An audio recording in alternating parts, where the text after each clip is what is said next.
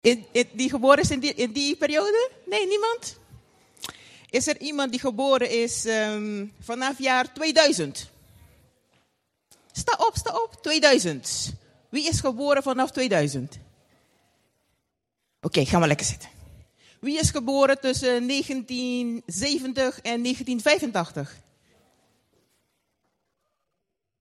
Oké, oké. 1940 en 1955. Nou, kijk. Eigenlijk is, onze, is in onze gemeente komen er verschillende generaties voor. Kinderen, eventjes vijf minuten stilte. Want dat hadden we geleerd, hè? Degene die praat en de andere blijft stil. We hebben alle generaties onder één dak. En dat is zo mooi. Maar zien we elkaar wel als generatie? Zijn de kinderen daar en de jongeren die zitten ergens anders? En de volwassenen dan, eh, ja, die zijn er maar om te zijn. Maar dat is niet het doel waarvoor God ons voor bestemd heeft. Er zijn heel veel verschillen tussen generaties. Wie kan één grote verschil benoemen tussen de generatie van 1945 en de generatie nu? Eén belangrijk kenmerk. Yes, de smartphone. Die gewend zijn. Nee, maar die hadden we niet in 1945. Dat is echt na 2000. Die heb je wel. Maar hun zijn helemaal opgevoed met de smartphone. En directe behoeftebevrediging. Google, Google, Google. Heb je alles? Voorheen moesten wij zoeken naar de bibliotheek, alles doen om onze informatie te vinden. Maar nu één knopje en je hebt hem. Maar zo zijn er verschillende kenmerken tussen de verschillende generaties. Maar God, die heeft een plan met de generaties. Op alle bladzijden in de Bijbel, vanaf het begin, kunnen we lezen dat God een speciale bedoeling heeft. Hij wil verbinding tussen jongeren, tussen ouderen en tussen kinderen. Het is van belang hoe gaan wij met elkaar om. En we worden uitgedaagd om er voor elkaar te zijn, zodat Gods werk doorgang kan vinden. In de Bijbel lezen we, wie kent dat? De God van Abraham en, ja, daar zien we weer generaties. Maar God, die gelooft in generaties. En weten jullie waarom? Zodat Hij door de generaties heen zijn werk kan doen. Wij moeten iets gaan doorgeven van generatie tot generatie. En wat voor erfenis geven we elke generatie? Maar één belangrijk punt dat God heeft is zijn hoop. Hij wil dat wij die hoop doorgeven.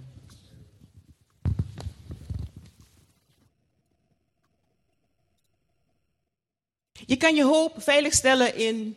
Ja, je denkt dat je hoop veilig stellen in je financiën, je verzekeringen, van alles en nog wat. Maar dat is niet zo.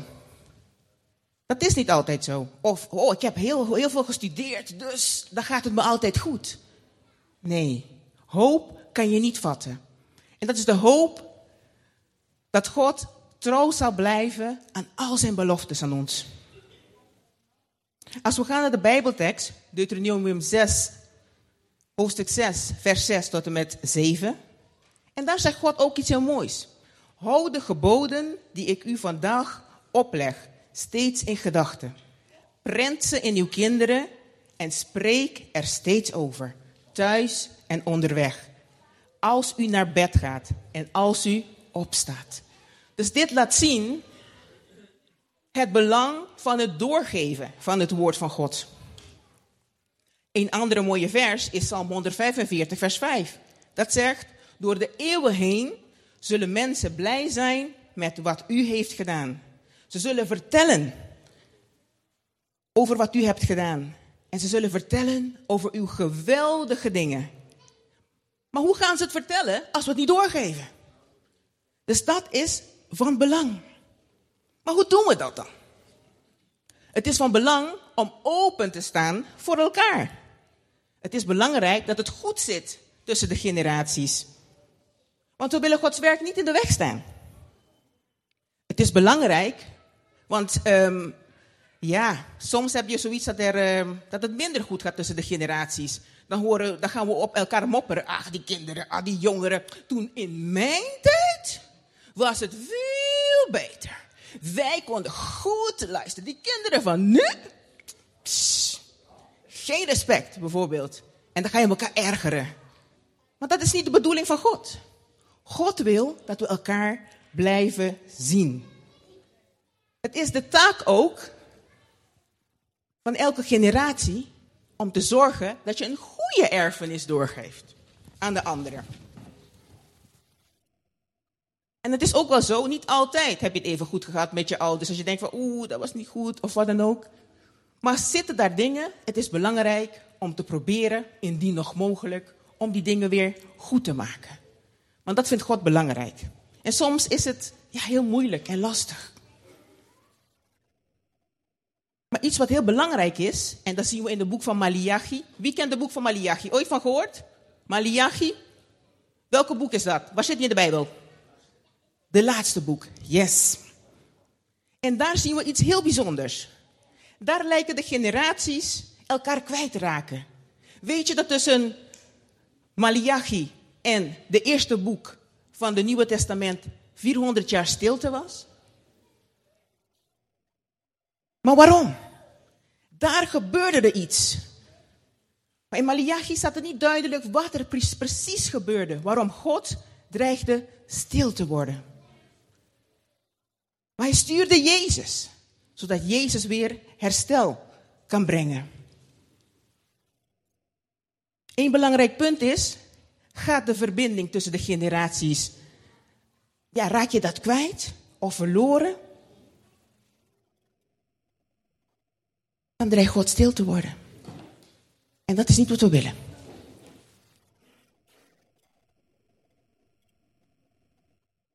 En wat opvalt in die boek van Malachi is van dat God niemand de schuld geeft. Hij zegt niet, hé hey, jongeren, jullie hebben niet goed gedaan. Of ja, ouderen, ja, jullie hadden en moeten. Nee, dat zegt hij niet.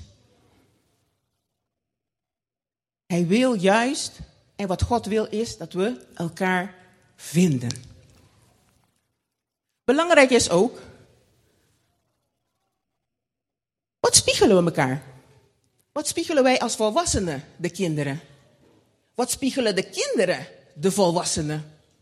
Dus als mama zegt, hey, heb je je kamer opgeruimd? Nee, stomme moeder. Doe je zo? Nee? Wie zegt, ja tuurlijk mama, ik heb het gisteren al gedaan. Elke dag, elke minuut. Want jij, mama, u zegt. Wie is zo?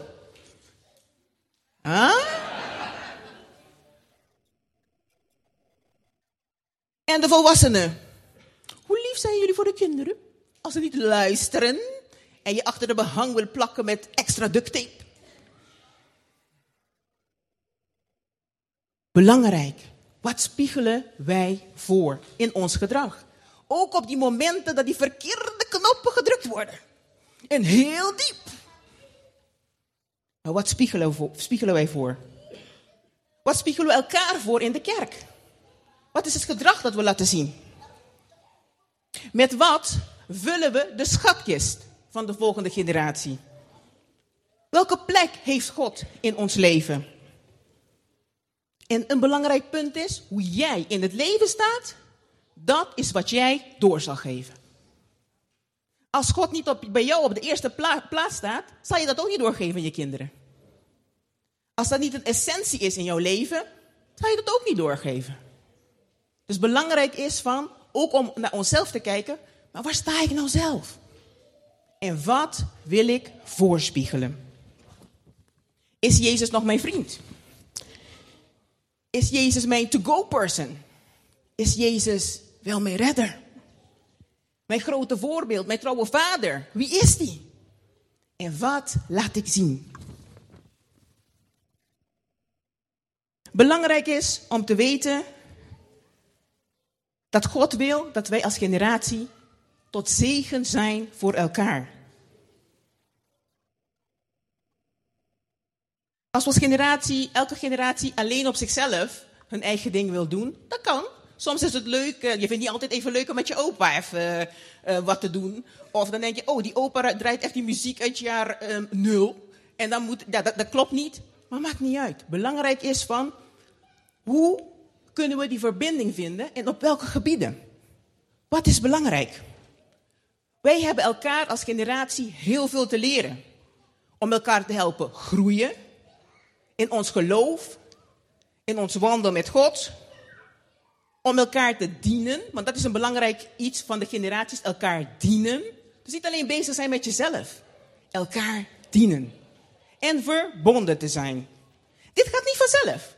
Want we hebben al gehoord, er zijn, verschillen, er zijn zoveel verschillen. Zoveel verschillen tussen elkaar. Maar toch, één belangrijk iets dat ons verbindt, als we hier als christenen, is God. En ook iets wat ons verbindt en in alle generaties terugkomt, zijn de levensvragen die we hebben.